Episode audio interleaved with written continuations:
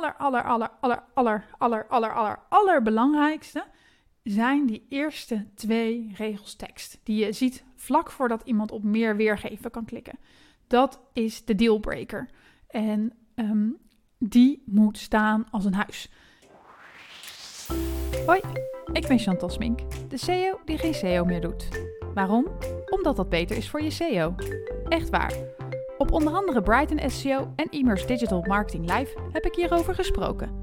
In mijn podcast vertel ik je alles over een nieuwe aanpak van SEO, die veel beter past bij de huidige tijd. Ook leer ik je hoe je organische kanalen op elkaar afstemt, hoe je content maakt die beter past bij je beoogde klant en hoe je daarmee een reputatie kunt opbouwen. Organische marketing dus. Hey, hallo en wat leuk dat je weer kijkt of luistert naar mijn laatste deel over de uh, serie, serie LinkedIn Killer Post maken. Ik heb het nu al drie afleveringen lang over LinkedIn gehad. Als eerste natuurlijk verteld wat, uh, ja, wat verkeerde posts, of waarom bepaalde posts niet rondgaan. Daarna verteld wat het geheim van een goede post is. In de vorige aflevering heb ik je uh, op het hart gedrukt om zero-click content te gaan omarmen, dat gedachtegoed. Nou, en dan is het tijd om nu tot de kern te komen. Wat gaan we nou eigenlijk in een post delen? Ook hier heb ik uh, weer een blog bij gemaakt. Het is eigenlijk één heel groot artikel geworden met alle filmpjes en voorbeelden. En ik zal ook een aantal voorbeelden in deze podcast bespreken. Die vind je op mijn site als je het even na wilt lezen. Um, want ja, je kan natuurlijk zeggen van, uh, hè, ik weet nu geen wc-eend content en ik weet dat ik uh, wel of niet moet doen, niet een link met klik hier, dat ik wat mensen wat meer moet prikkelen. Um, maar ja, wat is dan een goede post? Hoe bouw je dat nou toch op? En het aller, aller, aller, aller, aller, aller, aller, aller, allerbelangrijkste zijn die eerste twee regels tekst. Die je ziet vlak voordat iemand op meer weergeven kan klikken. Dat is de dealbreaker. En um, die moet staan als een huis. En waarom moet die staan op het huis? Omdat mensen op dat moment gaan beslissen: is dit waarschijnlijk de moeite waard of niet? Klik ik hierop of niet? Als die eerste twee zinnen niks beloven, um, al is het maar onbewust, gaan mensen daar niet op klikken. Dus die eerste twee zinnen, daar moet het in gebeuren. Nou, ik noem ze eigenlijk vaak de cliffhanger. En ik denk dat wij marketeers eigenlijk gewoon eens een jaar bij soapserie schrijvers of uh, real-life uh, producers in de leer moeten gaan. Als jij namelijk aan het eind van een aflevering kijkt naar wat er in de volgende gaat komen, dan denk je alleen maar: shit, nu moet ik hem zien. Dat Netflix-effect. Dat moet je ook met je cliffhanger gaan bewerkstelligen met die post. Dat mensen denken: dit moet ik zien, dit moet ik lezen. En die programmamakers hebben dat ontzettend goed begrepen. En um, ik zou je eigenlijk willen aanraden om daar eens goed op te letten. Wat zie je nou eigenlijk gebeuren? Dus in plaats van dat je alleen maar op de bank zit met chipjes en denkt van nou, ik, uh, ik zal het zien. Kijk eens even, wat gebeurt hier nou eigenlijk? Ga het eens observeren. Um, ik heb een deel voor je geobserveerd en dat ga je in deze post uh, dus ook terug horen komen. Um, nou, het is dus die cliffhanger. Ik noem het ook wel eens het verwijt. Of ja, de, de binnenkomer. En het verwijt klinkt misschien wat onaardig. En het hoeft ook niet zo gebracht te worden. Je hoeft ook niet te zeggen, jullie doen dit allemaal fout. Maar je zou wel kunnen zeggen: ik ga iets, een veelgemaakte fout ter discussie stellen. Ik ga een gedachtegoed ter discussie stellen. Dat is ook een soort van verwijt zonder dat je het als een echt sterk verwijt neerzet. Um, nou, wat ik dus altijd probeer, is eigenlijk erover nadenken: wat ga ik hier neerzetten? Dat mensen, als zij verder scrollen en besluiten niet klikken, toch denken: shit, ik ga terug, want ik wil dit weten en lezen. Dus in de eerste podcast heb ik een aantal verteld. Ik ga ze toch herhalen voor degenen die die niet geluisterd hebben. En wat ik al zei, dit zie je ook op de uh, blog die ik bij deze podcast gemaakt heb. Dus dan kun je het nalezen. Um, een van de posts die ik heb geselecteerd, ik heb er drie van mezelf en drie van anderen. Eén, de eerste is dat ik heb gezegd, zelfs hoge kwaliteit content biedt geen garantie op indexatie. Dat zei John Muller van Google vorige week. Irritant, hè? En waarom is deze um, cliffhanger nou zo goed? Omdat het inspeelt op een soort van aanname die mensen hebben. Als ik maar hoge kwaliteit content maak, wordt dit wel geïndexeerd. Mensen in de SEO weten precies wat hier staat en zullen denken: wat zegt zij nou? Um, en dan staat ook nog dat zij John Muller van Google. Dus het is niet van ik zuig dat nu uit mijn duim. Nee, John Muller heeft dat gezegd. Nou, en dat prikkelt dus. Die heeft um, toen ik de blog maakte, ik heb de screenshots niet opnieuw opgezocht, had hij 3200 impressies en 42 reacties en 16 commentaren. Dus dan zie je dat mensen vinden daar iets van. Er stond ook een foto van mij onder een videootje van mij op Brighton SEO. Ehm, waarbij je een foto ziet van Gordon Ramsay en van mij in de keuken. Niet van ons tegelijkertijd, maar twee aparte foto's. En van mij op het podium. En dat, die stil, die draagt natuurlijk ook bij van... hey, blijkbaar gaat zij op Brighton SEO iets zeggen over John Mullen of over Gordon Ramsay. Wel, hoe zit dit? Dus dit prikkelt mensen en geeft aan. Oh, hier kan iets interessants komen wat ik nog niet weet. Nou, die andere heb ik gezegd van één stuk content meer maken, dubbele punt, zo, met een accent, uh, accent aigu, op de, de O. Zo haal je eenvoudig alles uit je masterpiece. Nou, daar heb ik ook heel goed over nagedacht, want wat mensen natuurlijk ontzettend frustreert is dat ze content maken en dat het op die website blijft staan. Dat weet ik omdat ik mijn klant spreek. Dus van één stuk meer content maken appelleert aan een behoefte die mensen hebben, aan een verlangen van dat wil ik ook kunnen of doen. En dan zeg ik ook nog eens, zo haal je eenvoudig alles uit je masterpiece. Dat de, de zo geeft aan dat je van mij heel concreet wat gaat horen. En eenvoudig geeft ook nog aan dat jij het waarschijnlijk ook kan. Nou, en dat prikkelt mensen dus ook weer om niet te willen missen. Dit, hè, dit zit op die FOMO. Ik moet deze post niet missen. Klik. Dus die heeft nou, 5000 impressies, 63 likes en 31 commentaren gehad van mensen die het allemaal met me eens waren en zeiden super goed idee. Oh, of ik doe dan tijd zo. Super handig, hier kan ik wat mee. Met dat soort commentaren er ook nog eens onder gaat zo'n post natuurlijk als een vliegwiel LinkedIn over. Ehm, en dan de derde. Uh, daar zie je ook een, uh, een foto. Trouwens, die andere zie je ook een foto van alle stukjes content die ik van één stuk heb gemaakt. Zodat mensen ook echt denken, wow, zoveel. Bij die andere laatste post, die derde, heb ik een foto van een soort van vliegende bom. Die op een, een, een, rij balletjes afkomt. Met daarop de tekst: Waarom willen we altijd meer verkeer? Um, en de tekst die daarboven staat, die regeltjes, uh, de cliffhanger is: Ik vraag me af, moeten we niet streven naar minder verkeer, minder bereik en minder leads? Het is misschien een vreemde gedachte, maar ik ben bloedserieus. En deze post, misschien heb je al door waarom deze het ook zo goed deed, is ik ga iets ter discussie stellen wat een, uh, een garantie is, wat natuurlijk is. Natuurlijk doen we dit zo. Natuurlijk willen we meer verkeer. Wat zegt zij nou met moeten we niet minder verkeer willen? Dit is zo tegendraads, zo ontzettend een, um, hoe noem je dat? Uh, ander geluid, dat mensen hiervan op aangaan en denken van oké. En de grap is ook nog, als morgen iedereen deze teksten post, dan werkt het niet meer. Dan heeft iedereen het effect gehad. Maar omdat ik de eerste was met zo'n uh, stelling van je, wij moeten streven naar minder verkeer, uh, maakt dat impact bij de lezer. Nou, deze heeft 6000 impressies, 51 reacties en 27 commentaren gehad. Dus dan zie je eigenlijk dat, zo, dat dit dingen zijn die, uh, die goed gaan. Nou, dan heb ik ook drie voorbeelden van anderen erbij gepakt. Twee van Christ Kolen. Als je hem nog niet volgt, volg hem dan op LinkedIn. Want het is echt hele nuttige tips die hij in zijn post geeft. En ook hij is leuk om te zien hoe hij dat doet. Um, hij heeft een veel groter bereik dan ik, dus ik kijk af en toe ook nog bij hem af wat ik daar weer van kan leren.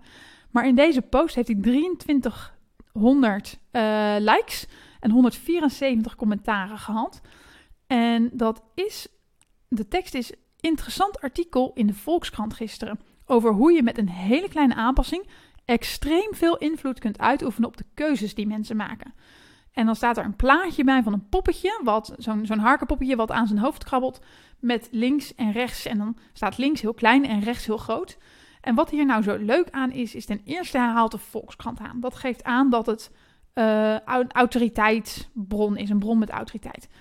Hij geeft ook aan dat het in de Volkskrant van gisteren stond, wat aangeeft dat het actueel is. Dus dat betekent eigenlijk al, ik wil dit niet missen. En dan met een hele kleine aanpassing extreem veel invloed. Die tegenstelling schetst hij op de keuzes van mensen. Nou, en dat plaatje, dat merkte ik zelf. Dat had een soort van, oh, ik denk dat ik weet wat hij bedoelt. En als je dan klikt, dan wordt dat soort van, dat stofje in je brein, als je, hij inderdaad bedoelt wat jij denkt, krijg je een soort van endorfine kick. Van ja, maar dat dacht ik ook, of dat wist ik al, dat had ik al verwacht. En dat is natuurlijk een ontzettend leuke bevestiging. En um, eigenlijk is dit hele spelletje cliffhangers is gewoon een spelletje psychologie. Hoe laat je mensen stofjes aanmaken voor, uh, voor endorfine of uh, FOMO-stofjes? Ik heb geen idee welk stofje dat dan is. Maar ja, dit is, ik vind dit echt het aller, aller, allerleukste van content en tekst. Is gewoon constant kijken, kan ik op die knop van mensen drukken? Welke knop is het? Um, nou, en dat doet dus Christ ook heel goed. Dan heeft hij een andere post, 700 likes, 68 commentaren. Ik weet natuurlijk niet hoeveel impressies, dat, uh, dat uh, moet je hem vragen. Maar wat hij hier zegt is, soms moet je stug volhouden om succes te bereiken. Maar dan moet je wel op de goede weg zitten. Zit je dat niet, dan is het beter om te stoppen. Nou, en ik denk dat die post het zo goed gedaan heeft, omdat hij iets zegt wat eigenlijk niet geaccepteerd wordt. Het is beter om te stoppen. In onze maatschappij vinden we mensen die stoppen vaak toch wel afhakers. Dus um, dit kan mensen aantrekken die zeggen: Ik ben onlangs ergens mee gestopt. Die krijgen hier een goed gevoel van. Oh, misschien ben ik toch om de goede reden gestopt. Het kan ook zijn dat die mensen aantrekt die zeggen: Stoppen, weet je, stoppen. Wat is nou een goede reden te stoppen? En die dan toch denken: Oh, misschien heeft hij wel een punt. Dus ook hier is het heel leuk dat je, dat je op die gedachte heen van wie probeer je nou aan te spreken. Um, en dat mensen er iets van kunnen vinden. En dan de laatste, het voorbeeld, dat is van Jesse Gul. Jesse heeft ook een flink bereik op, uh, op LinkedIn, ook groter dan ik. Um, en ik heb er eentje uitgezocht, die heeft 2000 likes en 297 reacties. En dat is moderne arbeidsvoorwaarden, dubbele punt. Pingpongtafel is uit, mentale gezondheid is in. En daaronder zegt hij nog: sollicitanten zijn niet meer te verleiden met een potje tafeltennis, kwijlende kantoorhond of een interne academy met 12. Nou, en dit vind ik een prachtig voorbeeld van het verwijt wat hij, wat hij geeft. Als eerste komt hij met een bouwtestelling. Pingpongtafel is uit, weet je, klaar. En dat is leuk omdat iedereen bezig is met een pingpongtafel. Heel veel bedrijven denken: ik maak een pingpongtafel, zet ik neer, trek ik mensen. Hij gooit dat zo een knuppelend hoenderhok, wuift dat weg en komt dan nog met een verwijt dat tennistafels, kwijlende honden en interne academies niet meer werken. En dat is grappig, want ook dat zijn dus veel toegepaste um, tactieken van werkgevers. Dus ook hier zit hij ontzettend in een pijnpunt te prikken uh, met een fris geluid. En het kan heel goed zijn dat de lezer denkt van, hè, hè, eindelijk zegt iemand het. Dus die gaan dat al lezen en die gaan dan ook zeggen, oh, eindelijk zegt iemand het. Dus dat soort reacties wil je er ook hebben. Je hebt het al door, mijn stem is nog steeds niet helemaal goed. Um, en voor de lezers die het er niet mee eens zijn, is het ook interessant, want die gaan reageren.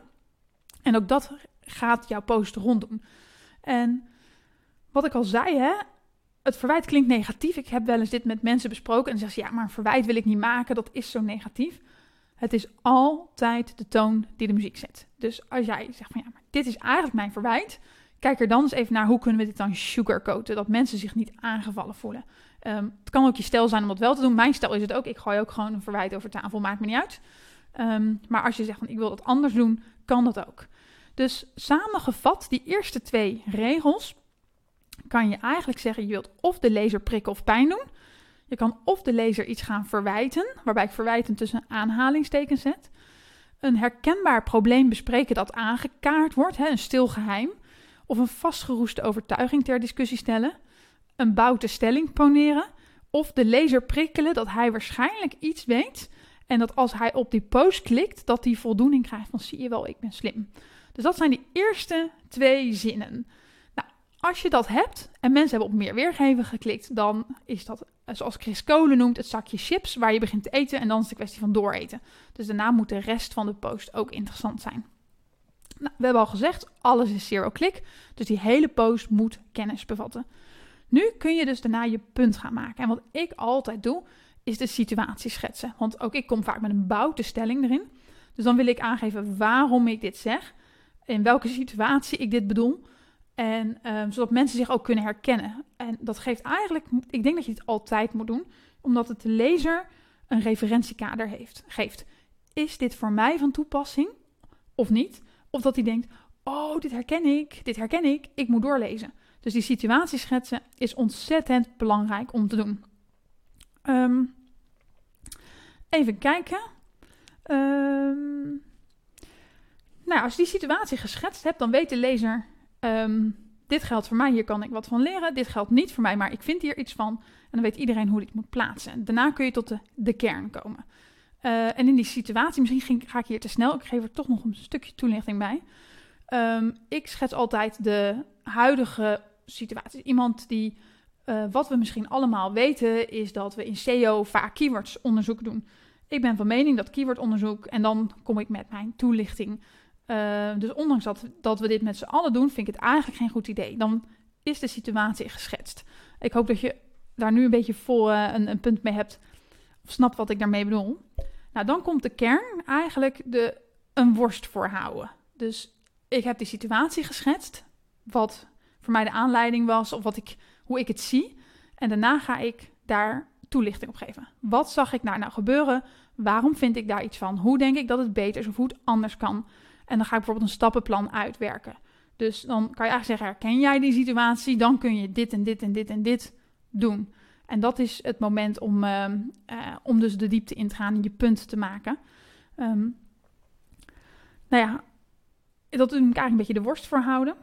En dan komt de afsluiter. En wat je ziet is dat best wel veel mensen zeggen van ja, um, uh, vraag mijn downloadable aan of uh, reageer hieronder als jij dat ook vindt. Of vind jij dit ook, laat het weten. Ik ben daar zelf niet van, omdat ik het eigenlijk gewoon een soort van formaal, formeel moedje vind. En ik, ik vind het eigenlijk een beetje, uh, weet je, dan zeggen ze... Oh, ik vind dit en dit allemaal heel erg stom. En dat zie ik zus en zo. En helemaal onderaan. Hoe vind jij dit eigenlijk? Terwijl het interesseert helemaal niemand wat jij daar nou eigenlijk van vindt. Dus stel die vraag dan ook niet. Dus bij mij past het niet om dit te doen. Misschien zeg je, ja, maar ik ben wel heel benieuwd. En ik ga met mensen het gesprek erover gaan. Stel die vraag dan wel. Ik doe het soms ook als ik echt denk, wat denken jullie hiervan?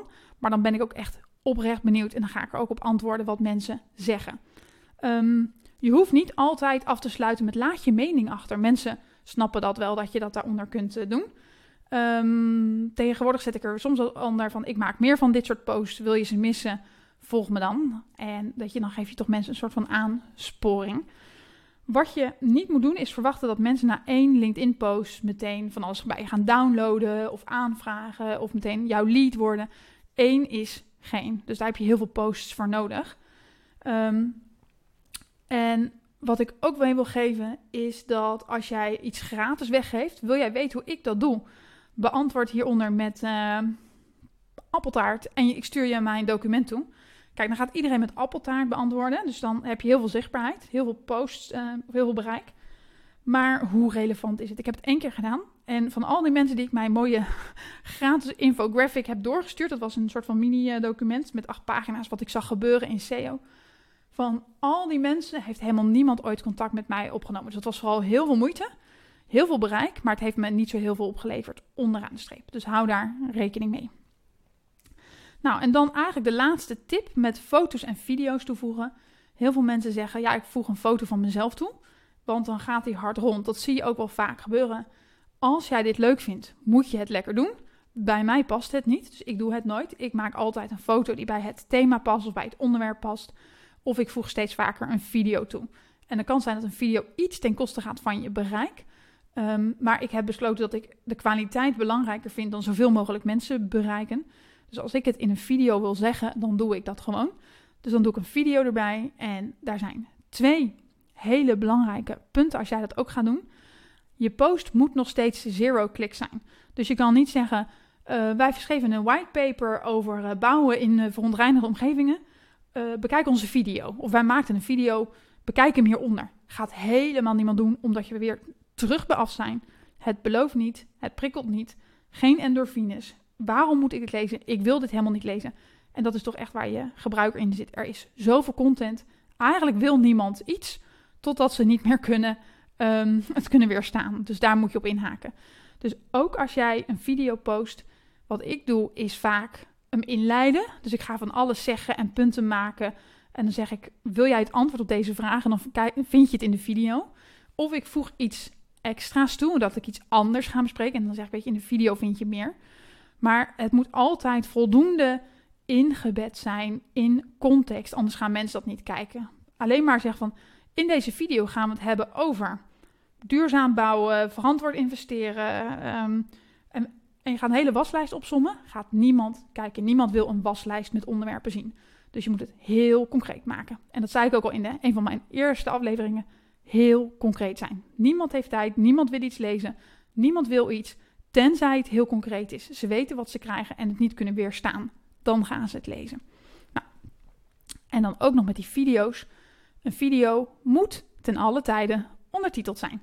Dus haal er korte fragmenten uit, bijvoorbeeld die je deelt. Hè. Van één video kan je misschien wel vijf LinkedIn-posts maken. Haal daar korte fragmenten uit en ondertitel die. Dat is het echt waard. Bijna niemand zit met geluid aan. Ehm, als je op de kantoortuin zit of zijn met een koptelefoon. Maar zelfs dan vind ik het heel irritant als die ding opeens begint te blaten, zo'n LinkedIn. Dus dat staat uit. Ehm, als ik in de trein zit, staat mijn geluid uit. Dus niemand heeft zijn geluid aan. Ga daar maar vanuit, dan kan het altijd meevallen. En dat betekent dus dat je ondertitels nodig hebt om duidelijk te maken waar jouw post over gaat. Die ondertitels die bepalen ook, is iemand getriggerd of niet? En daarmee is het ook belangrijk dat die ondertitels eigenlijk direct duidelijk maken wat je gaat krijgen in die post. Dus um, als we het hebben over cliffhangers en verwijten en zo, dan zijn die eerste twee uh, zinnen van zo'n video zijn eigenlijk ook cruciaal. En wat ik doe in een video als die toch niet begint met de eerste twee zinnen, is het ergens anders eruit pakken, vooraan monteren en dan met een overgang in de video laten gaan, zodat mensen snappen, hé, hey, daar komt een bouwtestelling. Hij gaat over en dan komt de rest van de video en dan ergens komt die stelling terug, zodat dat echt vooraan staat. Dus dan komt eigenlijk dat spelletje in het klein weer terug. Um, nou, en als je zegt van, goh, oké, ik wil dit eens gaan proberen, ik wil ermee gaan testen, maar wat ga ik schrijven? Laatste tip, denk eens in rubrieken. Um, een voorbeeld, op maandag post je een nieuw inzicht, op dinsdag een case van een bedrijf. En zeg dan niet, wij van bedrijf X hebben dit voor Jansen gedaan. Nee, begin met dat wat mensen willen weten. Heb jij dit probleem? Zo, dit kun je ermee. Of wij zagen dit gebeuren en zo deden we dit. Zodat mensen weten wat ze krijgen. Op woensdag bijvoorbeeld een veelgemaakte fout die je ter discussie gaat stellen. Op donderdag deel je iets over jezelf en op vrijdag weer iets wat mensen niet weten.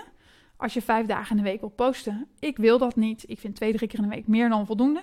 En um, ik ben geen goed voorbeeld, want ik sta s ochtends op en ik kijk wat voor weer het buiten is en dan bedenk ik me wat ik ga posten. Maar als je het lastig vindt, kan, kan dit helpen om rubrieken te maken wat je wanneer erin gaat zetten. Um, nou, en dan hoop ik toch dat je na deze mini-cursus LinkedIn, want dat is het bijna, aan de slag kunt met cliffhangers, verwijten, knuppels en hoenderhokken. Probeer het uit. Kom je er niet uit? Ik zit er nog steeds over na te denken om een soort van training te geven of om hier iets mee te doen. Um, op het moment dat er meer vraag is, is dat voor mij sneller om natuurlijk, uh, ga ik dat sneller mee aan de slag en pak ik dat sneller op.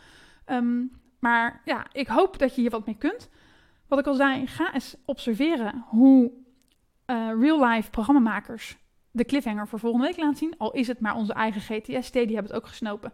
Ga eens posts observeren van anderen die het goed doen. Ga eens jezelf observeren. Waarom klik jij een post aan en waarom klik jij een post niet aan?